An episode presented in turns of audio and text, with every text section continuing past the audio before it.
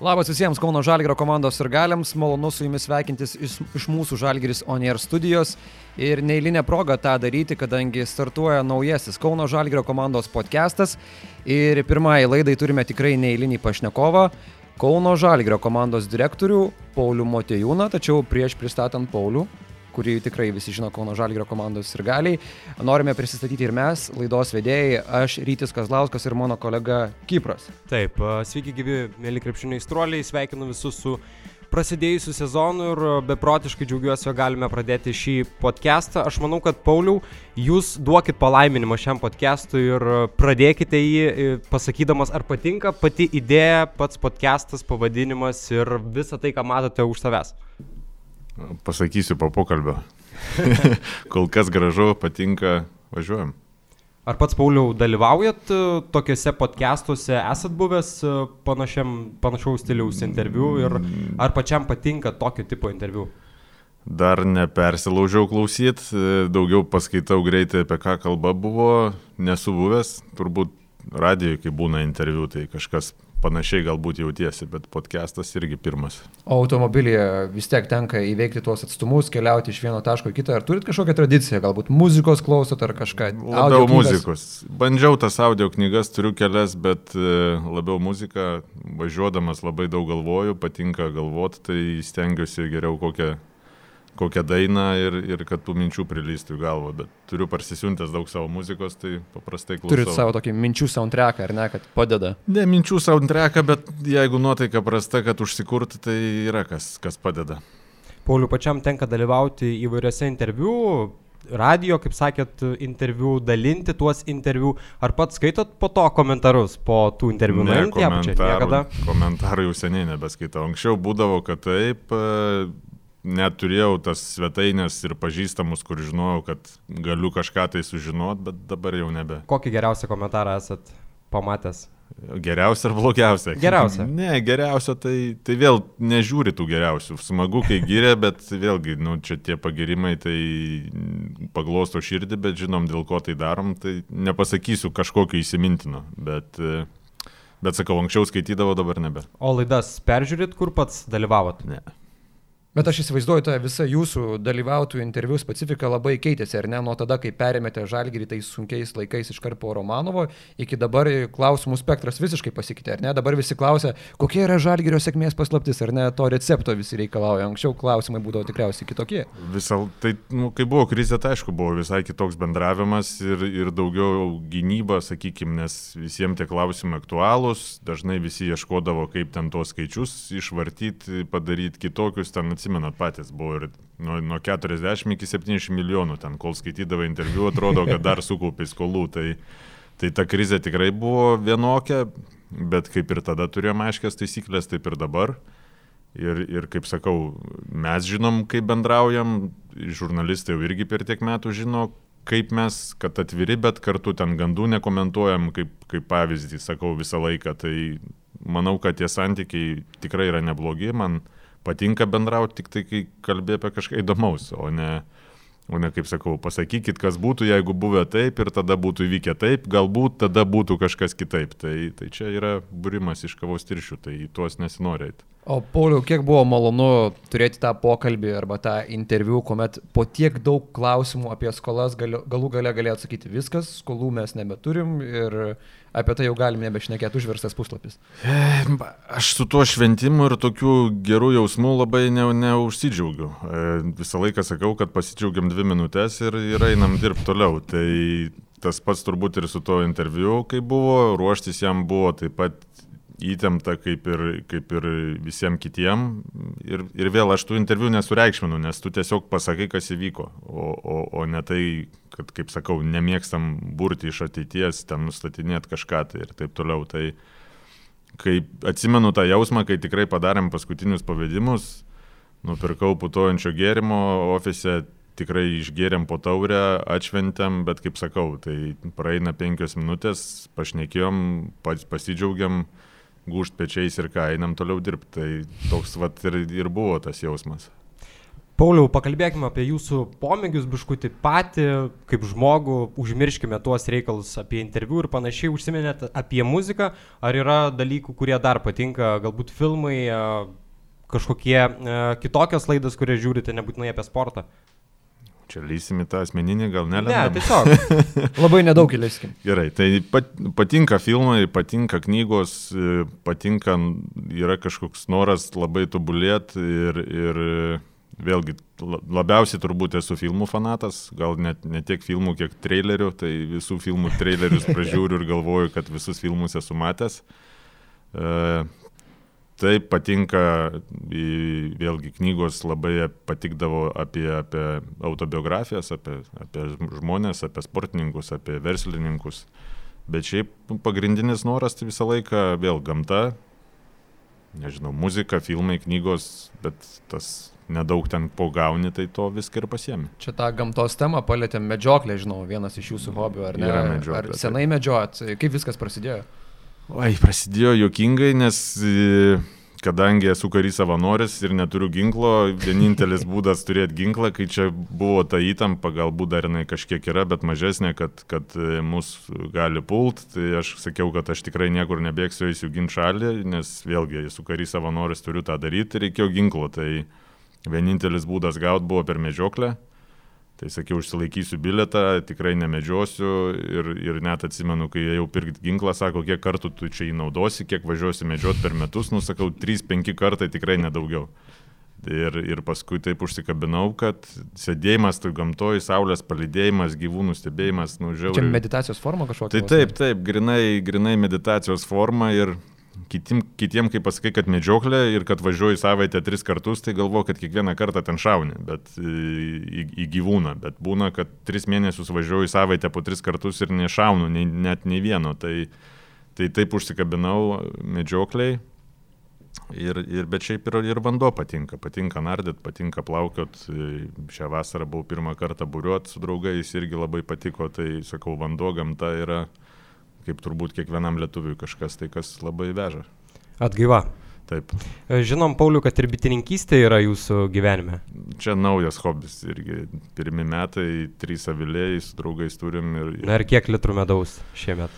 Pakankamai daug, pakankamai daug, gal ne tiek daug, kiek galėtų būti, bet kaip pirmie metam tikrai labai patinka, labai vėlgi nuramina pamatyti ant tas dirbančias ir, ir bandančias įgelt bitutes, tai toks gal, gal senstų, nežinau, bet gal jums skamba, kad, kad kaip senolis, bet taip nauja įstra. O nėra baisu, nes aš irgi esu šiek tiek susijęs su tuo, mano senelis tuo užsimdavo ir tikrai baisu būdavo žiūrėti, kai tiek daug bičių aplink jį bando įkasti. Nėra tai baisu. Tu su kostiumu, tai ką jos zvimbia ir, ir zvimbia, nu, tai nieko, nežinau, nebaisu. O tai kokio augalo medaus jam būna liepų medus, žinau, žinot, koks jūsų yra medus? Miško, pas mus miško, grinai tamsus medus, pakankamai aštrus ir, ir, ir nes miške viliai, tai Kada žalgiri šopė bus Pauliaus Motiūno medaus? Nu, galvoju, kad nebus. Galėsiu pavaišinti kažkada, galbūt norisi, kad būtų daugiau vilių, sakau, kol kas pati pradžia, bet labai patinka.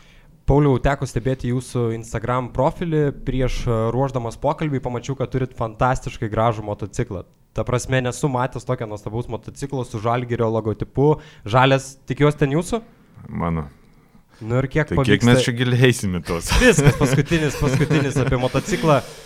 Stovi garaže, du kartus vasarą važiavau, labai fainas, bet kažkaip, sakau, mažai važiuoju. O Jasikevičius golfo nesikviečia pažaisti kartu?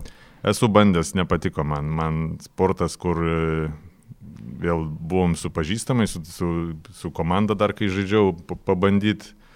Ir kai tu pasportavęs pasiemi tą lasdą ir, ir num, numuši kamaliuką 20 metrų, ateina koks vadovas kūdena ir numuša ten 200 dėl to, kad taisyklingiau, tai man, sakau, prasilenkia su sportu. Žiūrėti smagu ir filmus žiūrėti apie golfą smagu ir, ir tikrai patinka sportas, nenoriu nieko blogo apie jį pasakyti, bet tiesiog man kaip su lasda pasiemi ir turi elgtis švelniai, tai ne mano sportas. Pauliau, žiūrint visokius filmus, atrodo, kad golfe ten žmonės aptarė verslo visokias idėjas ir panašiai, kiek tai yra mitas, o kiek yra iš tikrųjų.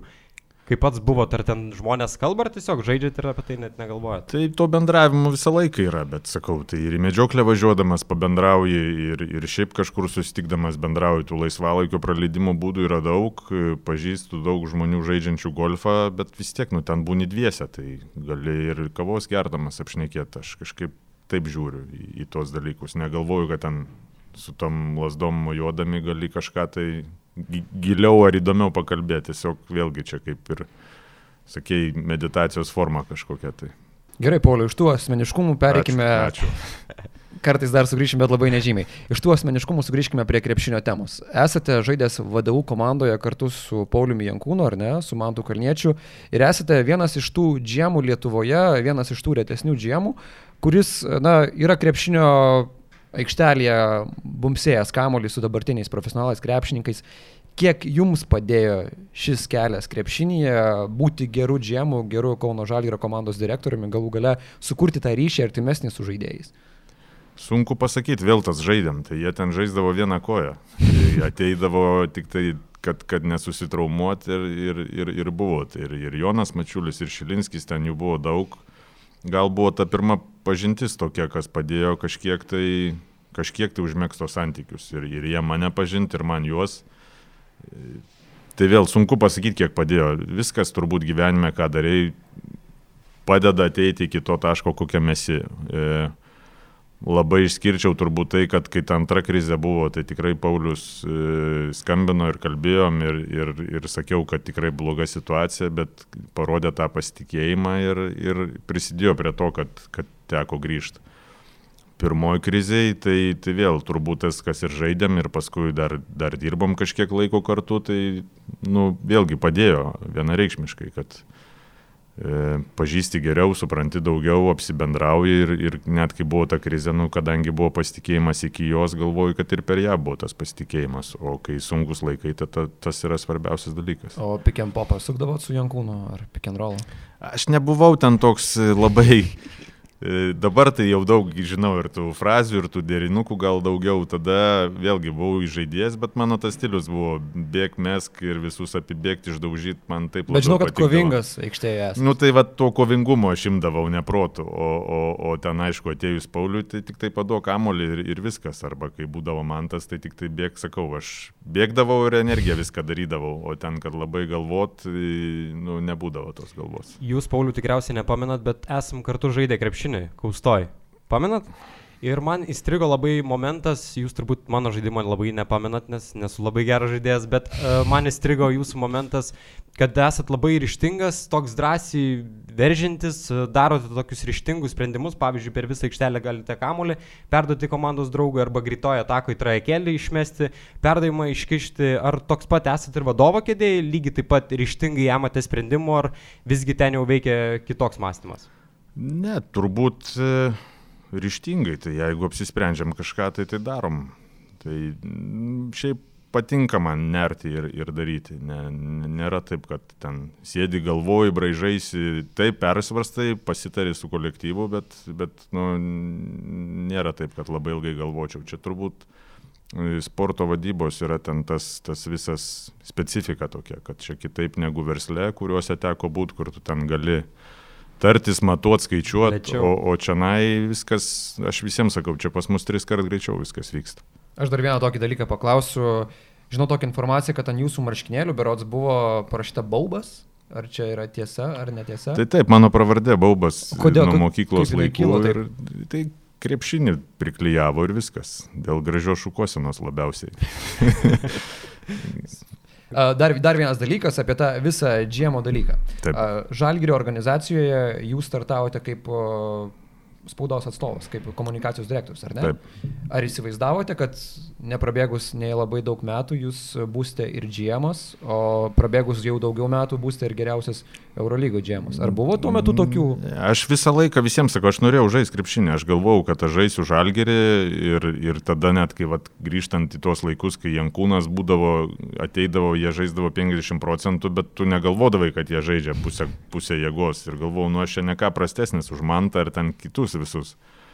Ir, ir dirbau kitus darbus, mokiausi ir aš tikrai negalvojau apie darbą žalgyrį, taip gavosi, kad netikėtai gavau tą pasiūlymą ateiti komunikacijos direktorius, kas vėl buvo kaip žaibas iš gėdro dangaus, nes tikrai gerai sekėsi kitam darbe ir, ir nustebinau visus, kai pasakiau, kad išeinu, bet paleido, nes numatė tą aistrą akise. Tai uh, Ne, aš neplanavau, nesu tas, kuris planuotų, galvotų ir ten svaigtų. Aš svaigau, kad žaisiu, bet nesvaigau, kad dirbsiu. Bet įsivaizduoju, prisijungimas prie žalgrio turėjo jums būti kažkas tokio, ar ne? Jeigu jūs ne, tai, fakt, darbą. tai faktas, faktas. Visą laiką ir, ir ten buvau netoli tų dublerių, kur gal, gal galėjau papult, galėjau nepapult, bet vėl susidėliojo ten tie gyvenimo įvykiai taip, kad, kad išvažiavau mokytis į Ameriką ir tada kažkiek praradau čia nai pozicijas. Tai svajonė visą laiką buvo, bet sakau, net tikrai negalvau niekada, kad dirbsiu vadyboje, galvojau, kad žaisiu.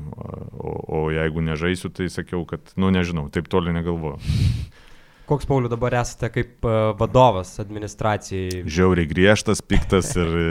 Uh. Taip. Besijokdamas pasakė jis.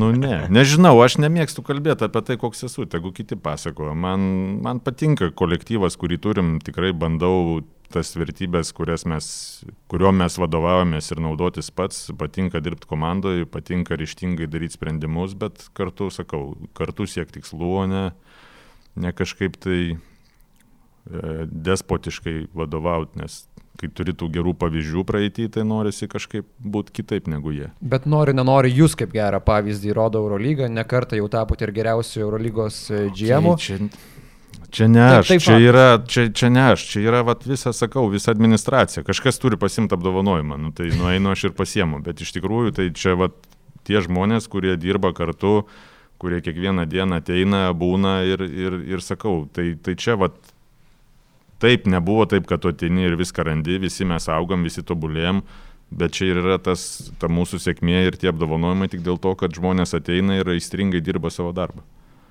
Pauliu, ar dažnai tenka sulaukti klausimų iš kitų LKL komandų ar Eurolygos vadovų apie visą jūsų kaip organizacijos darbą? Nekalbu būtent apie jūs, bet visą jūsų organizacijos darbą, galbūt apie patį šou areną ir panašiai.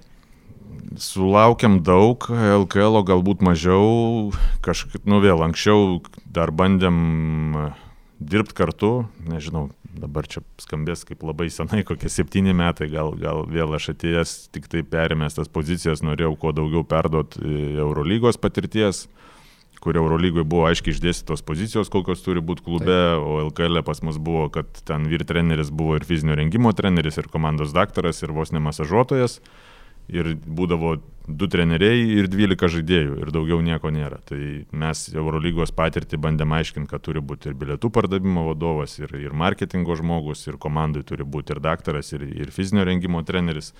Tai kažkiek tai tas viskas ėjo. O, o kalbant apie dabartinę situaciją, tai tikrai nemažai atvažiuoja, kas, kas domisi.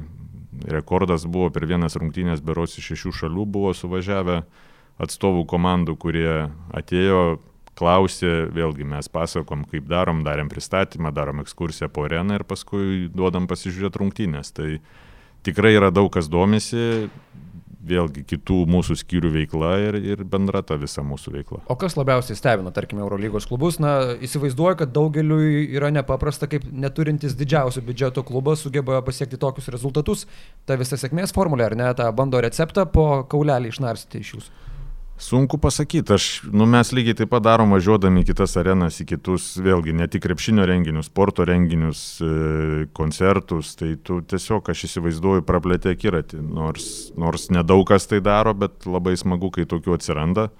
Vėl turbūt išskirčiau čia tą mūsų Asvelio komandą, kur, kur GM'as tikrai Lietuvoje buvęs daug kartų pastoviai veždavo ir čia prancūzų atstovus ir diskutuojam ir, ir viską dalinamės tas pats FSS, kur, kur su GM sutarėm ir, ir keičiamės informaciją. Aš lygiai taip pat pas Gerardinį nuvažiavęs mėgstu paklausti, kokia yra situacija NBA, tai žmonėm, kurie mūsų dirba irgi palaikai. Tai sakau, čia toks daugiau apsikeitimas informacija ir, ir bandymas pasižiūrėti, kaip vyksta pas mus. O koks tas bendravimas tarp džemų? Ar jisai yra betarpiškai atviras, ar yra džemų, kurie galbūt nelabai nori dalinasi informaciją, arba dar kitaip paklausiu, ar yra klubų, su kuriais Žalgiris palaiko labai draugiškus ryšius, galbūt netgi draugiškesnius negu su kitais Eurolygos klubais? Tai bet tų, ką išskyriau, turkiškų klubų, tai dabartinis Milanas, nes buvęs e, Olimpijakos vadovas Kristos nuėjo, tai tikrai su juo labai gerai sutarėm, vėlgi buvę Milano ten irgi, kurie buvo kažkiek bendraudavom sunkiau gal su ispanais, nes jie vis tiek jų yra nemažai ir jie susiklyjavę su CSK, vėlgi visą laiką tas bendravimas buvo, jisai ir yra, tai Himkai per Kurtinaitį, tai tokių sakau, yra, yra kur kažkokie glaudesni ryšiai, bet turbūt pagrindiniai, tai va tie turkiški, galbūt kažkiek Milanas dar labiau. Aš manau, kad galime keliauti prie komandos e, komplektacijos. Tai yra labai įdomus dalykas, e, kalbant bendrają prasme. Manau, daugelis krepšinio įstruolių nežino, kaip vyksta visas tas procesas nuo pirmą kartą pamatant žaidėją iki įsigijant ir atsivežant jį į Kauną. Ar galėtumėt plačiau papasakoti, kaip atrodo visas tas e, procesas? Pamatom, tai yra du būdai. Vieną arba patys pamatom, arba agentai duoda pavardės. Patikrinam, turim dabar skautą, kuris irgi to dirba, jisai stebi kažkokios duoda pavardės ir vėl, nu tai kol kas pas mus komandoje keli metai yra aiškus lyderis, aiškus žmogus, kuris priema visus sprendimus, tai yra Šaras. Ir jeigu Šaras sako įdomu, tai mano darbas toliau tarti su agentais, žiūrėti kokios sąlygos ir, ir bandyti žaidėją atvežti į, į Lietuvą. Tai dėliojamės vėlgi tas pozicijas. Mes gaunam sąlygas, pats siūlom savo sąlygas, tada teisininkai visą, visą praeina procesą kontrakto derinimo ir jeigu susitarėm, tai tada pokalbis su žaidėju, kad žinotų, kuris atvažiuoja, ką jisai gauna ir sutarties pasirašymas. O kaip dažnai tenka pasakyti ne, kad šio žaidėjo mes negalim paimti? Tai daug, bet iš tikrųjų tą vieną poziciją pas mus būna 20-30 kandidatų kiekvieną, kiekvieną sezoną. Tai peržiūrim visus e, ir, ir iš tų atsirenki tiesiog minimaliai, kas tinka. Nes tų pavardžių, jeigu pasižiūrėt, kiek agentai siunčia, tai ten šimtais yra. Ir, ir, ir jie nežiūri kitų lygių, tiesiog visus žaidėjus, kokius turi, tau ir siunčia. O ir kai dažniausiai pasirodo informacija vasarą, kad domisi žalgeris vienu ar kitu žaidėju, tai būna tiesiog iš to sąrašo gali būti koks 18 žaidėjas ir, ir tiesiog. Realiai kokie 10 procentų pasiteisina, kad tikrai domimės, nes ten atsiuntė pavardę, pasakiau kokios kainos ir vadinasi domimės. O tiesiog renki informaciją, tai nėra, kad domėtumės. Tai tikrai daug tų gandų yra, vien tik dėl to, kad ar užkelt kainą, ar, ar kažkiek tai pa, vėlgi padėti žurnalistam, kad kažkada geriau apie tą agentą parašytų, tai čia tų povandeninių srovių ir žaidimų visą laiką yra įdomu. O kaip pasikeitė situacija po to, kai Žalgiris na, pasiekė tokį lygį, kokiame yra dabar, kai patenka atkrintamąsią, žaidė finalo ketvirtę, Ar po tokių pasiekimų lengviau pavyksta prisivilioti žaidėjus kartais net ir tą kainą numušti, kaip sakoma? Nu, lab, labiausiai kas pasikeitė, tai tai, mes, ko mes ieškom. Anksčiau aš visiems sakau, mes ieškodavom tų truputį damaged goods, kažkas kaip ar po traumos atsigauna, ar kažkas nu, baigėsi karjerą, neturi pasiūlymų, reikia įrodyti vėl kažką, tai ar turi kažkokių šalutinių ten tų veiklų už aikštelės, kur, kur, kur ne, ne visi nori susitvarkyti. Blogiukai kartais ar ne? Iš dalies blogiukai, bet, nu, bet sakau, buvo tokia, tokia mūsų kryptis, kad mes imdavom tos užsieniečius, brangiausi jie būdavo, jie būdavo brangesni negu lietuviai, bet atne, atveždavo tą patirtį ir tu dėdavai lietuvius, kuriuos čia turi kažkiek jaunesnius. Dabar su Šarūnu jau kuris laikas mes dirbam visai kitaip. Yra lietuviai kaip pagrindas ir mes ieškom tų užsieniečių, kurie atvažiuotų ir kurie turi ambicijų pakilti ir, ir paeiti prieki. Tai vien ieškant tų vietų, kur gali, kurie norėtų dirbti taip kaip mes, nu jų nėra daug, ypač Eurolygoje. Kiti renkasi geriausius ir tų komandų tikrai yra dešimt, aš įsivaizduoju, kurios kovoja dėl tų geriausių, brangiausių žaidėjų, tai mes tenai nepapuolam kitos komandos, kurios turi laikinas tas vietas Eurolygoje, irgi neturi tokio privalumo, kaip turi mes. Tai renkant to žaidėjus, aš įsivaizduoju, kad tikrai mes esam ten top trejate komandų. Tuos žaidėjus, tai turiu minti tuos jaunus, kurie nori ateiti tobulėti, nes sąlygos pas mus tobulėti yra tikrai geriausios Europoje, treneris yra geriausias Europoje ir tikrai jie gaus to žaidimo laiko ir, ir gaus spaudimo ir jeigu tikrai turi tik tai norų ir potencialų, tai jis išausi viršų. Čia tikriausiai reikia paaiškinti ir galiams, kad tas žaidėjų ieškojimas yra nuolatinis procesas. Nėra taip, kad tiesiog vasarą baigėsi sezonas, Gerai, susėdam dabar, paieškokim kelių žaidėjų, ar ne? Ne, ne, nu, mes jau dabar turim kokius tris taikinyje kitam sezonui, kur yra spalio mėnesį jau turėjom jo, sakykim taip. Tai visą laiką tas darbas vyksta, visą laiką dėliojamės ir, ir matom, kas, tarkim, vėlgi kur pasikeitė, kad anksčiau laukdom, kol baigsis kontraktas ir tu lauki iki pat pabaigos. Dabar, kadangi mes naudojamės to, kad mes išskirtiniai žaidėjų tobulėjime, bet turi mažai finansų, tai mes turim kuo greičiau viską nugriepti, nes kitaip, jeigu įsijungi į žaidimą, tai labai daug ką gali prašauti. Aš taip kartu paklausiu ir manau įvesiu mūsų į kitą temą. Atrodo, kad užvedėt visą procesą, kuris veiktų sėkmingai, net jeigu ir komanda paliktų Šarūnas Jasikevičius, ar ne? Dabar yra sistema, ieškoma tų perspektyvių jaunų, jaunesnių legionierių ir sistema, kuri turėtų veikti dar ilgus metus į priekį. Nutikėkime. Bet geriau gal jisai tegu neišeina. Tegu neišeina. Sistema veikia kartu su juo. Tai gal apie Jasikevičių pašnekam? Galim pakalbėti apie Sikevičių, apie jo fenomeną, apie jį patį kaip uh, žmogų, kaip trenerį. Kiek jis pakelia visą klubo lygį į viršų, būnant šalia? Daug.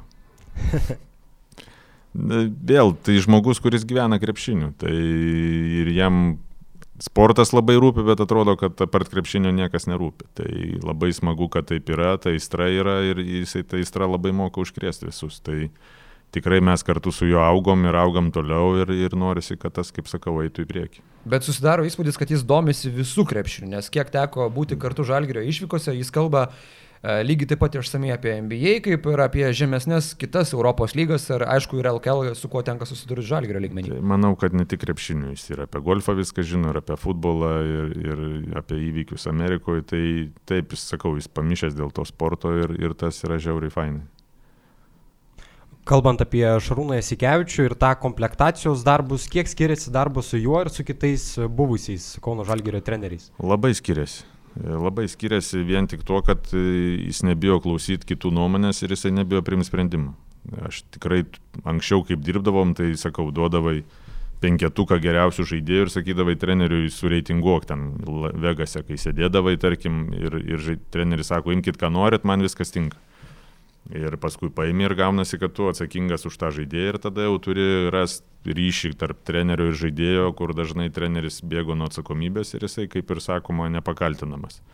O, o su Šaru yra kitaip, jisai aiškiai žino, ko jisai nori, jisai aiškiai pasako, ko nori ir, ir mano darbas toje vietoje tik tai surinkti biudžetą ir padaryti, kad tas žaidėjas pas mus atsirastų. Pauliau, jūs e, matėt Šarūno Jasikevičiaus e, žingsnį į trenerio specialybę nuo pat tų pirmųjų žingsniukų prie Gintaro Krapiko. Pamenu, netgi buvo būtauto turnyras Kauno sporto halė, kai jis buvo trumpam perėmęs tą vyriausiojo trenerio rolę. Na ir dabar, e, kaip ir kalbėjot, geriausias treneris Europoje. Sakykit, kaip Šarūnas Jasikevičius paaugo? Iš pradžių, taip mes kalbame apie buvusi vieną geriausių Europoje žaidėjų. Bet dabar treneris, vienas geriausių Europoje. Kokios savybės e, užaugo per tuos kelis metus, per tuos, kiek čia jau, ketveri metai kaip treneris, penkeri? Vėlgi sunku pasakyti ir įvardinti. Jūs čia klausėt viešai tų dalykų, aš nemėgstu kalbėti viešai. Nori, pri, tai... Nenori prisišnekėti vėliau. Ne, ne tai, kad prisišnekėt, nu čia yra, man visą laiką tie vidiniai dalykai yra vidiniai dalykai. Tai patys matot, kaip augo, kaip jisai, kaip jisai vadovauja, jis supratimą krepšinio visą laiką turėjo ir tą pasirašymą turėjo tiek kaip žaidėjas, tiek kaip treneris matėsi, kad jisai tą turi. O, o auga jisai tuo, kad vis greičiau to žaidėjus pripratina prie jo sistemos. Ir, ir manau, kad tai yra pagrindinis dalykas. Tai tiek ir pasakysiu, daugiau tai nepasakosiu jums nieko. Nu gerai. Pauliau, neįtikėtinas yra Šaro fenomenas aikštelėje, apie tai pakalbėjom, bet jis yra ir fantastiškas šaumenas.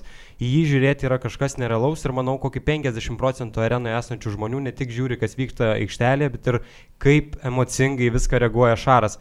Kiek galvojat, pritraukia žmonių į arenas arba galbūt stebėti per televiziją tai, koks yra Šaras, Nori, norit stebėti jį. Ateina, žinau, daug kas pasėdėti, paklausyti nori, kaip jisai reikia. Aš dažnai, kai... Bet Mėg... tokie žmonės įdomus, nori, kad ant jų rėktų ir žiūrėtų, kaip galbūt ant kitų žmonių rėkia. Nu, čia sakau, aš labai dažnai važiuoju tas lyderystės konferencijas ar knygas apie lyderystę, tai, nu, jisai visiškai ne pagal knygas, kur ten, kur visi lyderiai dabartiniai, kaip aiškina, kad ten turi... Lyderiai jo nekenčia. E, Man, manau, kad jo, ne tai, kad nekenčia, bet jisai žmogus turi savo vidų ir jisai tuo vidum vadovaujasi. Ir aš galvoju, dėl to jam ir, ir yra taip, kad sekasi daryti tai, ką jisai daro, nes jisai kažko nevaidina, jisai tiesiog yra toksai. Jis yra įstringas, jisai yra ambicingas ir ne tik žmonės ateina pažiūrėti jo tų ambicijų, bet jie ateina pažiūrėti, kaip visa komanda eina į priekį, užsikrėtus jo tų ambicijų. Tai manau, kad čia yra pagrindinis dalykas, ko žmonės ateina, nes tikrai ateina pajaustos geros emocijos, pamatyti kovą ir pamatyti norą kipt tam didesniam į atlapus. Tai čia yra pagrindinis dalykas, ko žmonės eina į areną. Aš tokio. Mes taip įsivaizduom, nežinau kaip yra. Dar tokio idėjinio klausimo paklausiu. Mes daug kalbame apie Šarūną Jasikevičių, tačiau labai svarbus ir tas visas trenerių štabas, ar ne? Taip. Evaldas Beržininkaitis nemiega naktimis, Darius Maskoliūnas atrodo uh, sakyčiau, toks tobulas Šarūno Jasikevičiaus ginklanešys ir tas žmogus, kuris gali reikalui esant perimti vyriausiojo trenerio rolę, kas jau yra buvę dėl tam tikrų priežasčių. Taip, taip. Tomas Masiulis atėjo į vyrų komandą, irgi atrodo augęs toje organizacijoje. Tai kiek svarbi ta gera komanda, kurioje kiekvienas turi savo vietą, kiekvienas yra savo žmogus ir kiekvienas funkcionuoja? Tai čia vėl yra didelė dalis to, to rezultato, kurį tu gauni. Tai čia komandinis darbas ir yra tas, kad tu turi pasitikėti vienas kitu ir tas kiekvienas irgi turi stengtis dėl, dėl bendro tikslo. Tai aš galvoju, kad tai yra neatsiejama dalis to, to, kas, to, ką mes turim, tas štabas, čia dar nepaminėjai ir fizinio rengimo treneriai, ir, ir daktarai, tai kadangi jie ten sėdė pačioje, mes čia sėdim viršui, tai sakau, ten, nu, ten yra vėlgi tas žodis Hebra, kuri pasiruošus viską padaryti dėl to, kad komanda laimėtų. Taip pat kaip ir mes čia viršui. Tai, o, o kuo stipresnė ta visa komanda, tai vėlgi čia teorija, tai to stipresnė ir, ir, ir, ir rezultatai geresni. Bet įsivaizduoju, tokią Hebrą ne kiekvienas gali įsipašyti tinkamai ir funkcionuoti. Ne, tikrai, ne, čia vėl yra Šaro savybė, kad jisai klauso visų nuomonės, jisai pats gali priimti sprendimą, bet išklauso, netildo ir, ir, ir pasitikė kitais. Ir jisai vėlgi atsirenka tai, ko jam reikia. Tai, o atsirinkti tu vėl įmant kitus pavyzdžius, kai būdavo visą laiką imdam užsienietį ir sakydom, šalia turi stovėti lietuvis, kuris auks, o jam leisdam įsivesti kažkokį tai savo ten tą kolegą. Nu, ir visą laiką būdavo, kad dvi skirtingos stovyklos, paskui tos dvi skirtingos dar virsdavo kokiam trim skirtingom. Ir, ir nu, aš seniai nematęs ar gal net niekada nu, rinktinės laikuose dar matęs, kai buvom. Tai, bet, bet taip, kad klube būtų, tai tikrai nematęs tokio darnaus kolektyvo ir, ir tai vėlgi visiems yra malonumas dirbti. Ir turbūt prie to augimo labai prisideda tai, jog, pavyzdžiui, Justinas Grainys ar Evaldas Biržininkaitis, kiek yra tekę kalbėti, visada sako, važiuojam į visokias konferencijas. Justinas pasakojo, kad važiavo į NBA stažuotis vasarą ir tai padeda tobulėti ir aukti. Tikriausiai tai yra pagrindiniai dalykai. Vėl čia pas mus visam ofise tas yra. Mes skatinam tą, tą mokslą, skatinam, kad tu turi tobulėti, nes aš galvoju, kad jeigu tik stovi vietoje, tai čia greitai, greitai pradėsi važiuoti žemyn. Tai, taip visą laiką prisigalvoja ir, ir visą laiką mes, mes už tai, kad kažką tai naujo įneštų ir, ir skatinam šitą dalyką. Manau, vienas karščiausių topikų krepšinėje, dabar pastaruoju metu užsiminėte apie rinktinę, yra rinktinės trenerio paieškos ir jau turime tų paieškų rezultatą Darių Maskoliūną.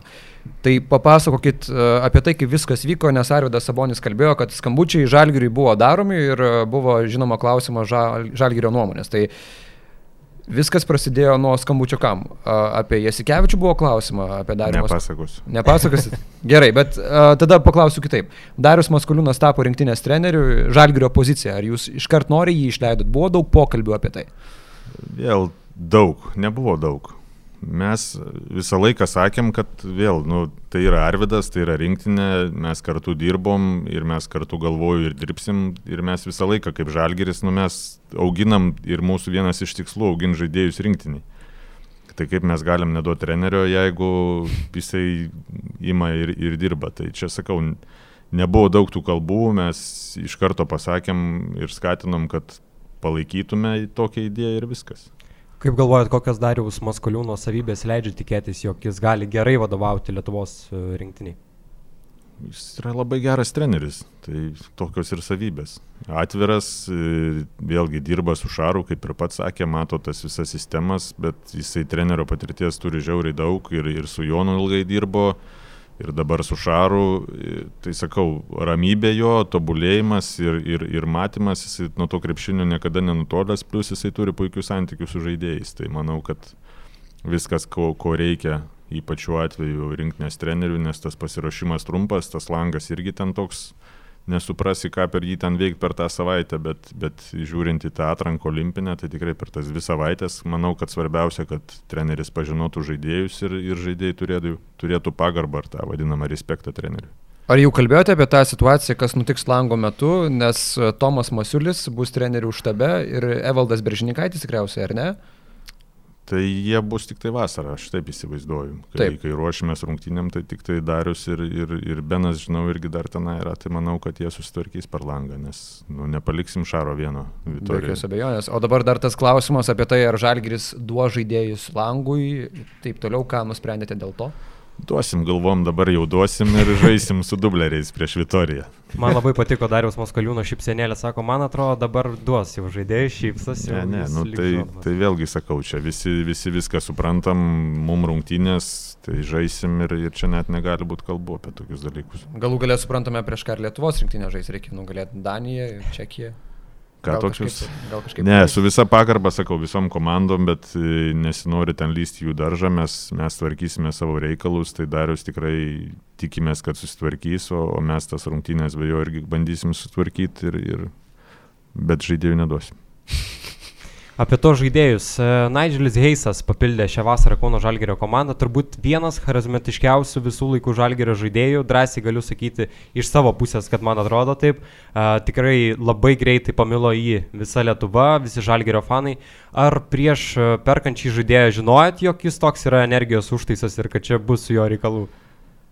Tai vėl tuos charakterius mes praeinam, bet pagrindę klausiam, čia vėl truputį apie tai, kaip renkam žaidėjus. Tai viena dalykas, kaip jie žaidžia aikšteliai, kitas dalykas, kas yra svarbiausias, kad jie netingėtų dirbti ir kad jie galėtų atlaikyti e, trenerio tą spaudimą, kurį jie pastoviai gaus.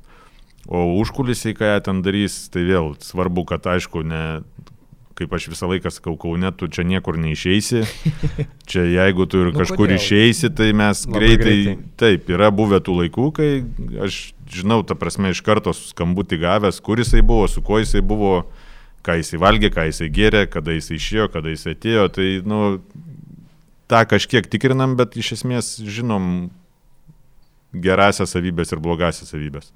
O charakteriai, tai vėlgi, koks tu esi, ar tu ten skaitai knygas, ar tu žaidži kompu, mums iš dalies netaip rūpi. Tai Nigelą irgi žinom, kad moka tą turkišką kalbą, išmoko turkų per metus, kas yra žiauriai keista, negalvom, kad jisai mokysis tos lietuvių kalbos, bet nu, kažkiek žinojom, kad vat, yra, kaip kiti sako, keistas ar tom įdomus, tai, bet vat, kaip pamatėm, tai matom, kad tikrai charizmatiškas. Kaip jums sekasi su ta kalba? Bendravot su juo? Eina į paskaitas, jis ištraukia kars nuo karto kokį žodį. E, Alituvį išmokinau, aš jį sakyti šaunolės, sakiau, tu šaunolės, tai Tai dabar Patiko. gal, gal žinos. Tai, tai tik tai, kad vertė visi kiti, kad sakė, nu, negražiai sakė, kai klausė kitų, kas, ką tai reiškia. Bet Brendoną jau lenkiant lietuvių kalbos, ar ne? Manau, kad greitai lenks. Nu, manau, kad ir lenkia. Brand... Čia galima nustatyti tą lygį, ar ne? Tai yra tipinis legionierius, kuris nešneka lietuviškai ir Simo Sanderis Venė, tai artėja prie Simo. Nu, iki Simo galvoju dar toli, bet, bet vėl, kaip jisai pats sakė, kad ta lietuvių kalba daug sunkesnė negu turkų, sunkiau išmokti, bet, bet galvoju, gal tas ryštas pas jį nedings. Markuso Brauno neprimena Nigelis? Markusas vis tiek, jisai pas mus atėjo jau žvaigždė būdamas, tai jisai taip bendraut mokėjo ir, ir labai... Buvo išmokęs jau visą tai. Buvo išmokęs, taip, tai jam tas tiesiog, jisai tą patį darė Ispanijoje, jisai tą patį darė Prancūzijoje, Rusijoje ir, ir pas mus, o, o, o Nigelis, aš galvoju, dar jisai tik tai deda tą savo pagrindą ir kuria tą savo žaidėjo įvaizdį Europoje. Dėl žaidėjo introdukšino viso su Kauno Žalgiu, aš dar turiu tokį klausimą. Ar tenka supažindinti su pačia Šaro asmenybė kartais, kad taip, Šaras yra griežtas, jis daug reikalauja rungtinių treniruočio metu. Ar tenka atskleisti tą tokią pusę trenerių? Tai mes atskleidžiam vėl ne tik šitą pusę, bet apskritai, kas yra Kaunas, e, kas yra Lietuva, kas kokie pas mūsų orai. Aš turiu tokią komišką istoriją, kad e, mes bandėm pasirašyti, Markys Heis buvo toks žaidėjas Vegase ir aš turėjau video paruošęs ten apie komandą ir ten, nežinau, 10 gal minučių. Ir vienas, vienas iš epizodų buvo, kai iš sausio 13 įvykių paimta nuotrauka, nes vėlgi pasakau, kad mes čia tą sovietinį laikotarpį pergyvenome. Taip, taip, taip.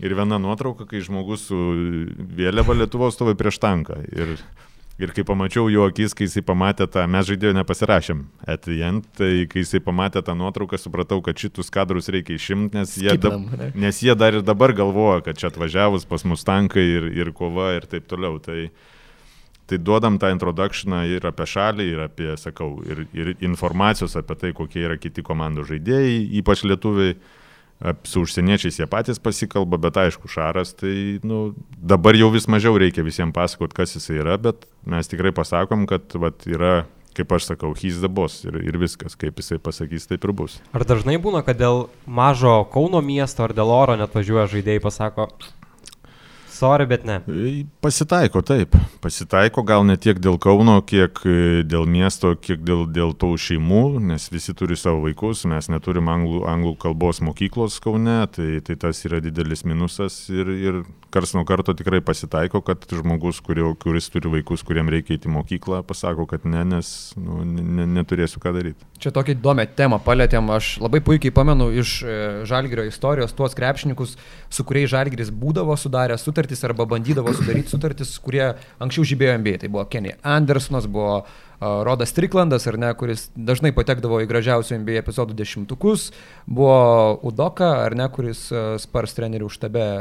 Bet jis net važiavo. Jis ir net važiavo, taip, bet uh, kontaktas kažkoks buvo, taip, ar ne? Taip. Ar Turim dabar tokių pavardžių, kurios žaidžia NBA, galbūt net ir žyba NBA, su kuriamis Žalgris derino kontaktus, bet galų gale neįvyko tos sutartys, arba kitai žodžiais tariant, Ar buvo tokių žaidėjų, kurie galėjo atsidurti žalgrį, bet neatsidūrė ir dabar mes jau žinome? Taip, geriausias tai tas Rojas Aunilas mūsų, kur turėjom sutartį, galvom, kad atvažiuos, nes Europoje tokį turėjo pusėtiną sezoną ir, ir dabar visai sėkmingai žaidžia NBA ir, ir tvarkosi. Tų didesnių dabar ne, nu ten per tą lokautą, kai buvo, tai ten buvom prisisvaigę. Atsimenu ir, ir, ir Kobe Bryant ir Pau Gazolė atnešė Romanovas, kad reikia pasirašyti, sako, va šitus du imk. Ir, ir nu net neskambinau, nes kaip pasakiau, sakau, žinot kokios algos, sako, nu, nežinau kiek, sakau, nu vieno 20 milijonų, kito 24, sakau, bet aš galiu paskambinti, man ne problema. Tai sako, gal neskambin. Tai vad, ne, dabar, dabar nėra tokių. Čia kažkada labai seniai Arvidas Sabonis kalbėjo su Klaidu Drexleriu, ar ne? Buvo tokių istorijų, ar ne? Nebuvau tada, bet gali būti, kad buvo. O pavyzdžiui, toks žaidėjas kaip Jamesas, Jamesas Andersonas prie jūsų vadovavimo buvo. Taip. Tikrai geras žaidėjas po 10 taškų NBA rinko prieš atvykstantį Kauną. Kaip vyksta dėryba su tokiu žaidėju, NBA žaidėju, kuris atrodo turi neblogą statistiką, kaip prisivilioti į Europą? Nu vėl, nežinau, su Jamesu tai viskas gavosi labai gerai. E, agentas pasiūlė, mums tiko, vėl aš pats buvau nustebęs, kad, kad jisai norėjo atvažiuoti, bet matyt norėjo save pabandyti Europoje. Ir, ir mes tiesiog Gal čia tas nelietuviškas sukrito kortą. Mes pasiūlėm geras sąlygas, palikom langą išeiti per, per tą, per top 16 dar tada, kai buvo, kuris beveik išėjo į Vitoriją e, ir, ir, ir realiai mus ištraukė ir, ir padėjo metus, o paskui tą kontraktą pasirašė daug didesnį. Tai dėrybos lygiai tos pačios kaip su visais kitais. Tiesiog čia agentai galbūt geriau, geresnį darbą padaro, nes e, vėl kaip skiriasi dabar mūsų tas darbas, nu, mes žinom, kokią algą gali mokėti. Ir yra aiškios lubos ir, ir niekada nedarysiu taip, kad kažkuris žaidėjas bus ten trečdalis komandos, ar ten alga bus milijonas, o kiti gaus 500. Tai nu, aš galvoju, kad tai komandai ne, nepadeda ir, ir atsiranda tokia priešprieša. Tai Džeimsų irgi tokių atvejais buvo tas pats, kad jisai gavo tą mūsų vidutinę ar normalią algą, didesnę šiek tiek negu aišku kiti, bet, bet nebuvo taip, kad ženkliai skirtusi nuo visų kitų. Kas Pauliu per tą laiką pasikeitė, kaip pats minėjote, jeigu seniau pasirašydavot kontraktą su tokiu kaip James Andersonu vienam sezonui ir po to jis išvyksta į kažkokį geresnį, turtingesnį klubą, dabar panašu, kad Žalgeris bando pasirašyti sutartį bent dviejiems metams arba vienas plus vienas, kad galėtų ilgiau išlaikyti žaidėją. Kas pasikeitė, kad pavyksta dabar pasirašyti tokius kontraktus? Nežinau, tiesiog dėrybų taktika pasikeitė. Mes visiems sakom, kad ateikit, padėkit, mes padėsim jum paaukti, jūs padėkit mum kažkiek tai gauti. Ten tos išpirkos tikrai yra simbolinės palyginus, kas yra, bet e, žaidėjai žino, agentai žino, kad mes esam tas tramplinas, kur tu po mūsų, ypač dabar pas šarą, nu tai visi išauna į viršų. Šimtų procentų visi pasirašo geresnius kontraktus. Tai dėl to daug lengviau ir, ir kalbėti apie tą viens plus viens, kitas dalykas vėl finansinis stabilumas, kad anksčiau, kai, kai turėdavo aiškinti, kad tos algos nevėluos ar ten vėluos du mėnesius ir, ir tai yra normalu, Tai būdavo sudėtinga, nieks nenorėdavo tų ilgalaikių rašytis, nes tu pabaigi sezoną ir tau dar dvi ilgas skolingi ir, ir, ir tu nežinai, ar atgausi ar net gausi. Tai sakau, tas tie turbūt pagrindiniai du faktoriai. Pinigai ir treneris. e, Žaidėjai kalba tarpusavyje, jie pažaidę faktas. žalgerį, jie tikrai gali pasiskambinti, pakalbėti. Faktas, faktas, faktas. Tai bet kur važiuodamas tu paskambini, paklausi, kokia situacija. Tai vienareikšmiškai. Ar dažnai vyksta tie aukcionai, kaip e, minėjo, dėl vieno ar kito žaidėjo? Tarkim, jūs ir kita Eurolygos komanda nori vieną ar kitą žaidėją, ar dažnai vyksta tie žaidimai aukciono? Manau, kad dažnai, bet mes vėl, sakau, agentai irgi žino mane, aš nedalyvauju juose. Tai vėl mes aiškiai paskaičiavę, ką mes galim. Mes suprantam, kad jeigu lemia pinigai, mes nelaimėsim. Jeigu tu rinksies tuos pačius pinigus, bet tarkim, Ispanijos miestas koks nors ar, ar Kaunas, tai mes irgi suprantam, kad mes šitoje vietoje nenukonkuruosim. Ir vėlgi yra paprastas variantas, take it or leave it ir, ir viskas. Kiek jums pačiam, Pauliu, smagu, kad e, Žalgrėje šiuo metu rungtyniauja beveik tie visi pajėgiausi lietuviai, kurie, na, nerungtyniauja MBA, žinoma, bet O, čia man, man didžiausias malonumas. Nežinau, man savi, kad žaidžia ir, ir, ir gerai žaidžia, ir jie čia nai tobulėja, ir, ir kaip fanai juos sutinka. Tai čia kiekvieno svajonė. Išgirs, kaip Jankis išeina, Marius dabar, Milas, Ule ir kai visa salė šėlsta, tai yra, wow, tai kaip sakau, man, man tai yra didžiausias malonumas. Kuo šiemetinė Kauno Žalgerio komanda galbūt skiriasi nuo praėjusių metų, galbūt universalesnė? Pakalbėsim po sezono ir įvertinsim tada. Nemėgstu vėl lyginti, tai jinai yra vėl ambicinga, norinti kabintis, dirbti ir, ir reikia dar susižaidimo. Tai matysim paskui tik tai kokia jinai yra. Pats Pauliu minėjote, jog e, žiūrint, kaip išbėga Milaknis, Jankūnas, užverda kraujas, e, žinom, kad e, tas kraujas verda, kai dažniausiai sėdite vienas, nes rungtynes mėgstate stebėti, kai nėra daug žmonių aplinkui. Yra tiesos? Taip. A, Kaip pavyksta išvengti tų visų žmonių aplinkui, visgi ateinat į areną, daug pažįstamų veidų, e, visi jūs pažįsta, nori paklausti, kaip čia Šaras, nori paklausti, kaip čia komanda, kaip pavyksta to išvengti, ar sakot, sorry, Hebrytė, noriu ramiai pažiūrėti krepšinį. Ne, nepavyksta, bet prieš rungtynės yra normalu, tai pabendrauju, aš tikrai pasišneku, vėl yra aiškiai per tuos metus sudėliotos taisyklės, visi žino, ypač sunkiausiai man vien, vienintelis žmogus, kuris nežino taisyklių, tai yra mano mama, kur vis tiek dar vis galvoja, kad aš Skambutis kažką vidury papasakosiu, ne, ne vidury rungtynį, bet šiaip papasakok apie žalgerį, ten kas naujo. Nu, tai mama inside pirmą gauna. jinai negauna, bet dar nesupranta, kad ir negaus. Tai, bet, bet šiaip visi kiti, tai sakau, žinau, ką galim pasakot ir tiesiai pasakau, kad sorė, nu šito negalim pasakot. Tai prieš rungtynės vyksta bendravimas, aš tikrai nuo nieko nesislapstau, įdomu išgirsti ir, ir padiskutuoti ir, ir tiesiog matyti žmonės. Bet jau kai prasideda rungtynės, tai nu, man patinka stebėti. Dėl to aš nueinu į techninę ložę ir, ir kad niekas nematytų ir, ir galiu nesulaukiu tada tų, kad, o, yra buvę, kad minus 20 ateina ir tai, tai kaip tu, Pauliau, gyveni? Ir, nu, tai kaip aš gyvenu, nu, noris išme žmogų iš, iš balkono, tai taip ir gyvenu. Pakalbėkime apie Eurolygą. Eurolyga dabar tapo tuo turnyru, kuris bent jau reguliariojo sezono dalyje, manau, yra netgi įdomesnis kartais negu NBA. NBA galbūt atkrintamosiose jau įsivažiuoja, komandos kapojasi iš visų jėgų ir jau pradeda tą savo tikrąjį krepšinį. Eurolyga pasiekė tokią kryptį, kai komandų skaičius išaugo, 18 komandų, kaip e, visų šios lygos augimu yra patenkinti klubų savininkai, galų gale pati Eurolygos vadovybė. Ar dabar mes turime jau tą produktą, kuris yra toks arti tobulybės, ar jis... Ne, aš tikiuosi, kad ne. Tikiuosi, kad ne, mes einam į priekį, bet galim daugiau. Ir e, dažnai apie tai diskutuojam. E, Labai didelis žingsnis buvo žengtas čia, kai priemėm tas taisyklės, kad e, savininkų indėlis negali būti kažkiek Kad didesnis. Iki 40 procentų tas sumažėjimas Taip, taip, priklausomybės. taip. ar ne? Tai, tai sakau, šiaip norisi visą laiką greičiau, kad viskas vyktų.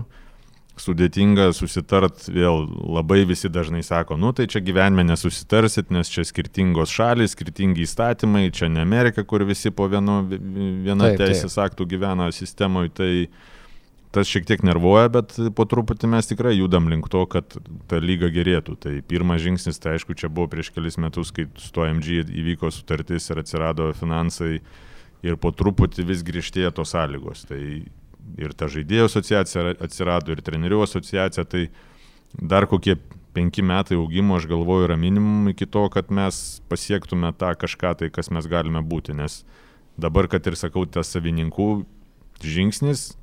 Dar aš galvoju, jie nesupranta, kad nu, baigėsi tie laikai, kad rašykite, ką norite, aš paskui uždengsiu, ten ypač apie futbolo klubus mm. kalbant. Tai metai po metų, kai tas e, pradės įsigalioti, visi matys, kad mes čia šiek tiek rimčiau į viską žiūrim, turim minti klubą ir pati Eurolygos vadovybė ir, ir tada tas produktas dar gerės. Bet tai koks pokytis tai lėmė? Eurolyga galų galę suprato, kad gali parduoti gerą produktą, už tai gauti pinigus ir tapti pelningą organizaciją. Kas nutiko? Ne, tai pirmas žingsnis buvo tai, kad tu gavai daug pinigų ir pamatai, kad tave vertina, tu pamatai, kuo, kas tu tapai ten per tuos 10, dabar jau 20 metų ir, ir nu, atsiranda kažkoks svoris. O kai atsiranda svoris, tai automatiškai tu tada dar, dar labiau lendi į viską ir, ir su rėmėjais labiau dirbi ir, ir, ir, ir apie tą krepšinio dalį galvoji. Tai galvoju, tas labiausiai lėmė, kad turim stiprų užnugarį kaip AMG ir, ir suprantam savo svorį. O kaip pavyko galų gale pasiekti tą sutartį, kad kiekvienais metais mažėja priklausomybė nuo to vieno didelio investuotojo, kad 2022-2023 metų sezone 40 procentų sėkmė. Aš įsivaizduoju, yra klubų, kur labai sunku tą dumblą išjudinti. Nu vėl, tai tas, čia Džordis labai, aš visą laiką iš jo mokausi to, tos ramybės ir, ir to užtikrintumo ėjimo link to tikslo, nes viskas prasidėjo čia 2017, mes turėjom susitikimą Paryžiui ir buvo užsiminta apie tai ir paskui kiekvienam pokalbį mes vis apie tai kalbėjom, tai gal pradžioj kažkas pagalvojo, kad nesvarbu, paskui suprato, kad svarbu, bet gal čia nieko nepriimsim. Ir praėjus dviem metam susėdom visi ir niekam nekilo klausimų. Nu, nes du metus apie šitą kalbam, tai čia tik reikia nubalsuoti ir viskas, ir, ir rankas pakėlė ir važiuojam. Tai, Tai sakau, taip, taip ir buvo prieitas šitas sprendimas, bet iš esmės aiškia viziją turi ir Bertome, ir visi žmonės, kurie su juo dirba ir link to po truputį ir einam. O kaip prie Olimpijakos ar Atenų Panatnaikos komandų savininkai reagavo į šitą sprendimą? Ten yra šeimų dinastijos. Aš įsivaizduoju blogai, jie vėl, nu tai sprendimas priimtas daugumos ar ten vos ne visi, visi kartu vėl reikia atskirti LKL, mes ten keliam tas rankas, skaičiuojam tos balsus Eurolygoje, realiai 20 procentų sprendimų yra kartu priimti, mes, nes tikrai daug būna išdiskutuota apie juos iki ten to posėdžio. Mes turim tuos 2-3 e, susitikimus per metus, kur mes tiesiog kalbam apie visus iššūkius, apie, apie visas, visus reikalus, kuriuos norim kalbėti. Ir būna išdiskutuota. Ir paskui, kai reikia balsuoti, tai tu tiesiog žinai, kad jau viskas iškalbėta ir pakeli ranką. Tai taip jie reagavo. Nu, mes nematėm tos reakcijos, nei jie tiesiogiai kalbėjo. Dmitrio nebuvo, buvo panosas iš Panatinaikos, o tai vėl jisai žinojo, kad kalbėta, turbūt kalbėta buvo ir savininkui. Olimpijakos irgi ten tų dviejų brolių nebuvo, buvo Džiemas atstovas, jis irgi balsavo kaip visi kiti. Tai sakau, toksai, nu ten toks komandinis darbas labiau vyksta, o, o tiesioginės reakcijos negaliu pasakyti. Kiti dalykai, na, išaugo Eurolyga dar dviem komandom, ar kalbama apie tolimesnę plėtrą, kur toliau nori žygiuoti turnyras? Yra kalbų apie uždarą lygą, visi žinot ir nekartą kalbėta. Tai vėl įmam MBA, aiškus pavyzdys, kur kaip galima labiausiai uždirbti. Tai faktas, kad jeigu tą patį žalgerį, tarkim, paėmus, dabar tave naudoja LKL, tave rodo lietuviški kanalai ir, ir tavo ta vertė iš karto mažėja dėl to, kad tave lygina su Eurolyga ir LKL. Nu, ir jeigu tu Lietuvoje gali viską gauti daug pigiau, tai tu negausi daug brangiau žaisdamas vienam turnyre. Tai lygiai taip pat yra su visom kitom komandom. Tai jeigu mes tik tai užsidarom, mes tarp, tampam daug vertingesni. Tai vienareikšmiškai kažkada tas aš noriu, kad įvyktų, niekada neslėpiau. E, ir mes už tai visą laiką pasisakom per visus posėdžius, nes Vėlgi vienas dalykas yra finansai, kitas dalykas yra rungtynių skaičius, trečias dalykas, dėl ko mes viską darom, dėl fanų. LKL jisai yra netiek įdomus, su visa pagarba visom komandom, bet net ir finalus tas skaičius žmonių ateinančių visą laiką mažėja. Tai turim aiškiai žinot, kur mes einam, ką darom, tai kažkada va, aš ir tikiuosi, kad ta lyga taps uždara ir, ir dar geresnė, dar stipresnė. Ir pagrindinis dalykas, kad savininkai uždirbtų pinigus, o ne, o ne būtų taip, kad kažkam pasitraukus ta komanda subyra. Ar įmanoma tokioje lygoje, kur tiek daug skirtingų tų mokestinių bazių, skirtingų valstybių, turėti tokį dalyką kaip salary capą?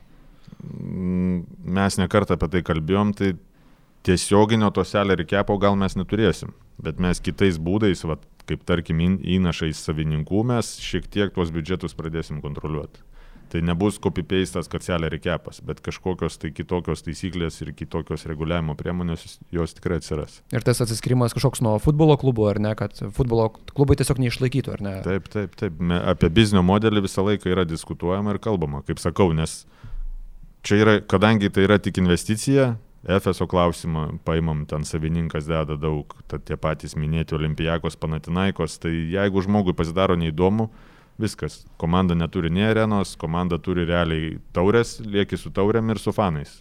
Kur tu jeigu eisi į trečią lygą ar į kažkokią kitą lygą su mažu biudžetu, net ir fanų neturėsi. Tai, tai istorija yra tokia labai šakė man vandens rašyta. Tai dėl to sakau, turi atsiras pagrindas, kad žaidimas Eurolygoje ar vieno savininko pasitraukimas atsi, pasikeistų taip, kad kaip NBA, kaip perka komandas, kažkas nupirktų tą komandą ir turėtų, turėtų galimybę iš to uždirbti, išsukti ir, ir kažkokios kitos naudos, negu tik tai kaip garbė dabar yra. Garbė man turėti krepšinio komandą. Turiu klausimą tokių iš kelių dalių, bet pirmą paklausiu pirmos dalies.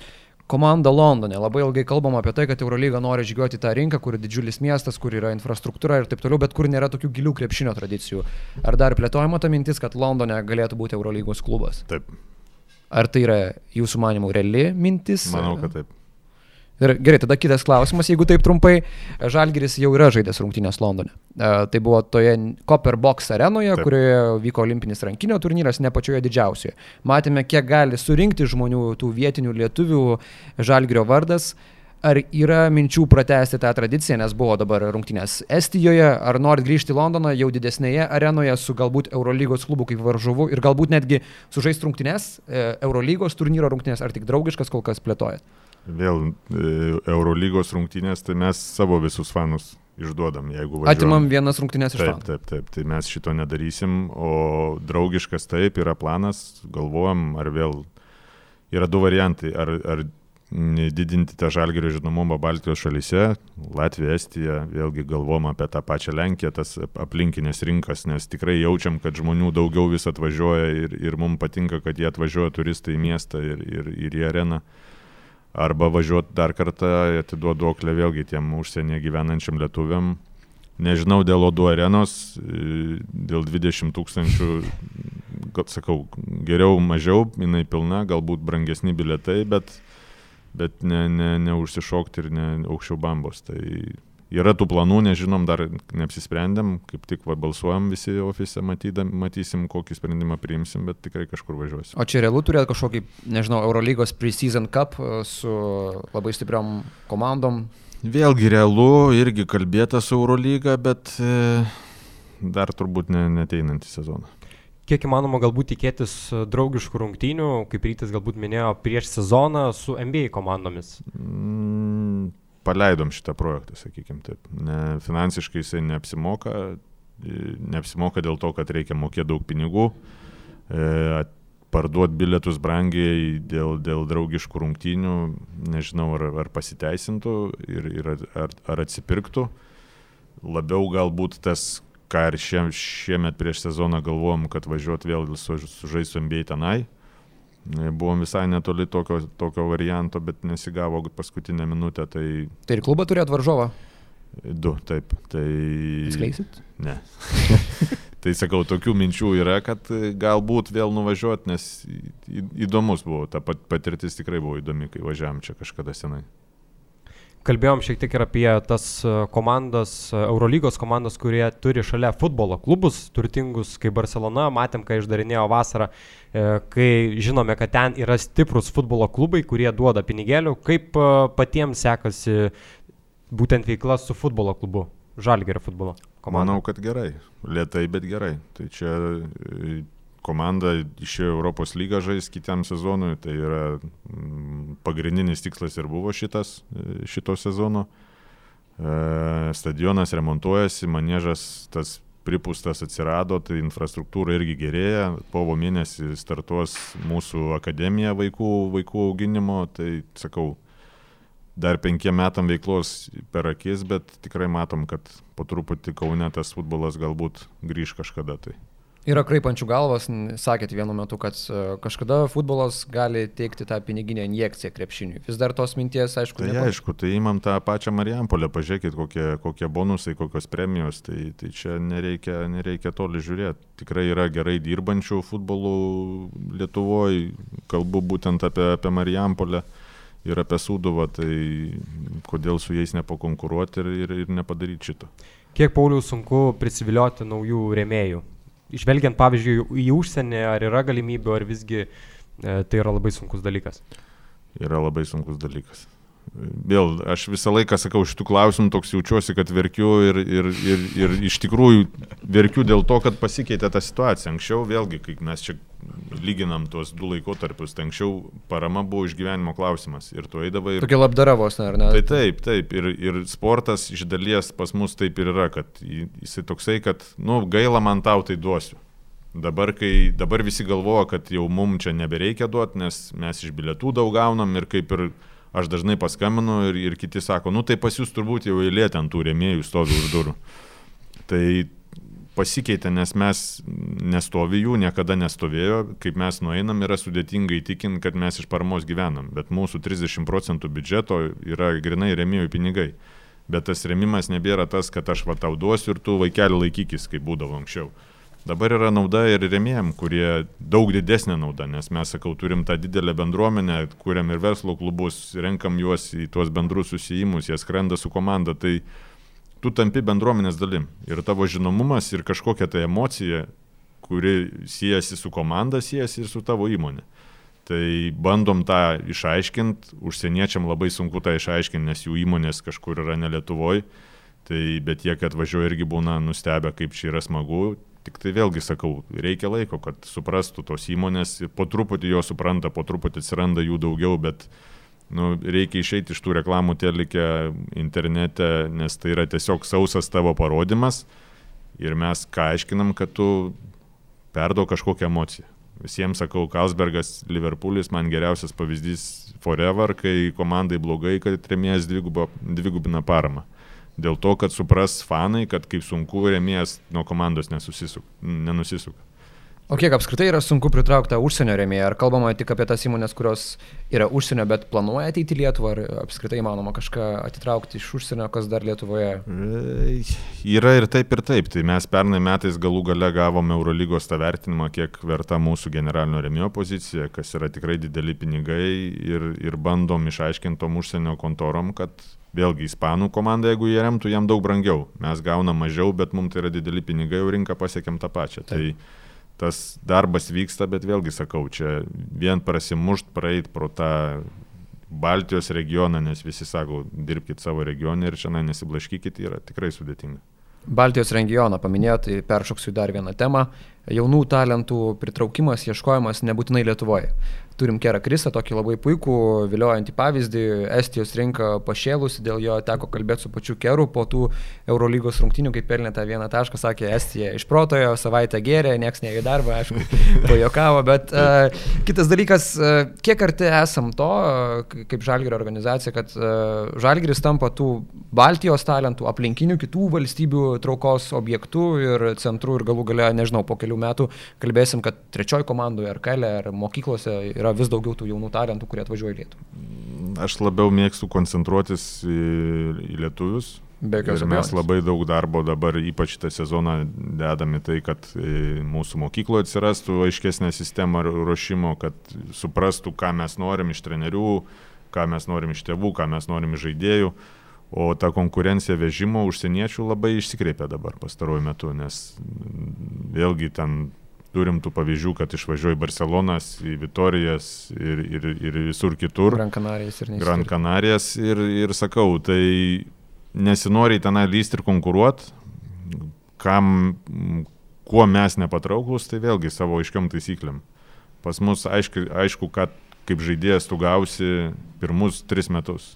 Nes žinom, kad metai jaunam žaidėjui atvežtam ar lietuvių yra Ar, ar tu atveši iš Utenos, ar tu atveši iš, nežinau, iš Prancūzijos kokio nors miesto, ar Vokietijos, ar Latvijos, Estijos, metai laiko vis tiek yra tiesiog aklimatizacija. Tu dar net nesupranti, kur tu papuoliai, kūnų iššokas, galva iššokas ir pirmi metai mes net per daug nevertinam žaidėjo, žiūrim, kaip jisai susitvarko. Po metų jau tu matai, kaip jisai tobulėja krepšinio srity. Tai dėl to sakau, e, kai pradedi konkuruoti su kitais, ateina agentai ir pradeda 16 metų vaikui sakyti, klausyk, ten tris kart didesnė alga. Ir galvoja, kad Barcelonos dubleriai žaisdami, trečiojo lygo Ispanijos yra tas pats, kas Žalgero dubleriai, kurie žaidžia antram pagal pajėgumą, tikrai pajėgiam turnyre ir, ir galvoju, kad čia, nu vėl, tu Barcelona, tai čia taip pat tu jau beldėsi, kur tu net nesibeldi, tu net į treniruotės nepapuoli. Kur aštuntos tren... duris iki Barcelonos taip, komandos. Taip, pas mus sėdi žaidėjas, treneriai sėdi, žiūri dublerius, kaip žaidžia, treneriai dublerių sėdi prie pirmos komandos, nu tas bendravimas yra tikrai duris varinėjasi, verinėjasi kiekvieną dieną. Tai, To neišaiškins ir dėl to sakau, net neverta ir nenorim ten investuoti savo energijos per daug pats užsiminėt, kad ateina pažiūrėti Šarūnas Isikevičius, trenerių štabas e, Žalgerio dublerių, tai kaip pats e, dirbu informatoriumi rungtynėse dublerių, nėra nieko gražesnio, kai jauni žaidėjai pamato, kad ateina Šaras, ateinat, kad ir jūs, ar Darius Maskoliūnas ir visi atrodo trigubą energiją gauna. Tai kažkas nerealaus. Nu, smagu, smagu tenai nuvažiuoti ir sakau, man labai patinka, kad ta energija jaučiasi reikšteliai, ko visą laiką norėjau, kad būtų tie mūsų dubleriai. Energija ir ryštas ir, ir aišku tos klaidos, tegu jos būna, bet bent jau ta įstra, labai smagu ją žiūrėti. Pastaruosius dviejus metus tokia naujas metodas, nauja taktika galbūt taikoma, kad tie žaidėjai, kurie jau, sakykime, yra išaugę NKL e, marškinėlius, keliauja į kitas LKL komandas. Jeigu seniau būdavo, kad gerai sužaidė NKL pirmenybėse, dublerių komandai iš karto keliauja į pagrindinę komandą, dabar yra dar vienas laiptelis, tai yra kažkokios silpnesnės LKL komandos. Kaip buvo nutarta priimti šį tokį sprendimą skolinti kitoms LKL komandoms savo žaidėjus? Nu, bandom. Čia visai bandai, kad būtų žaidėjų geriau.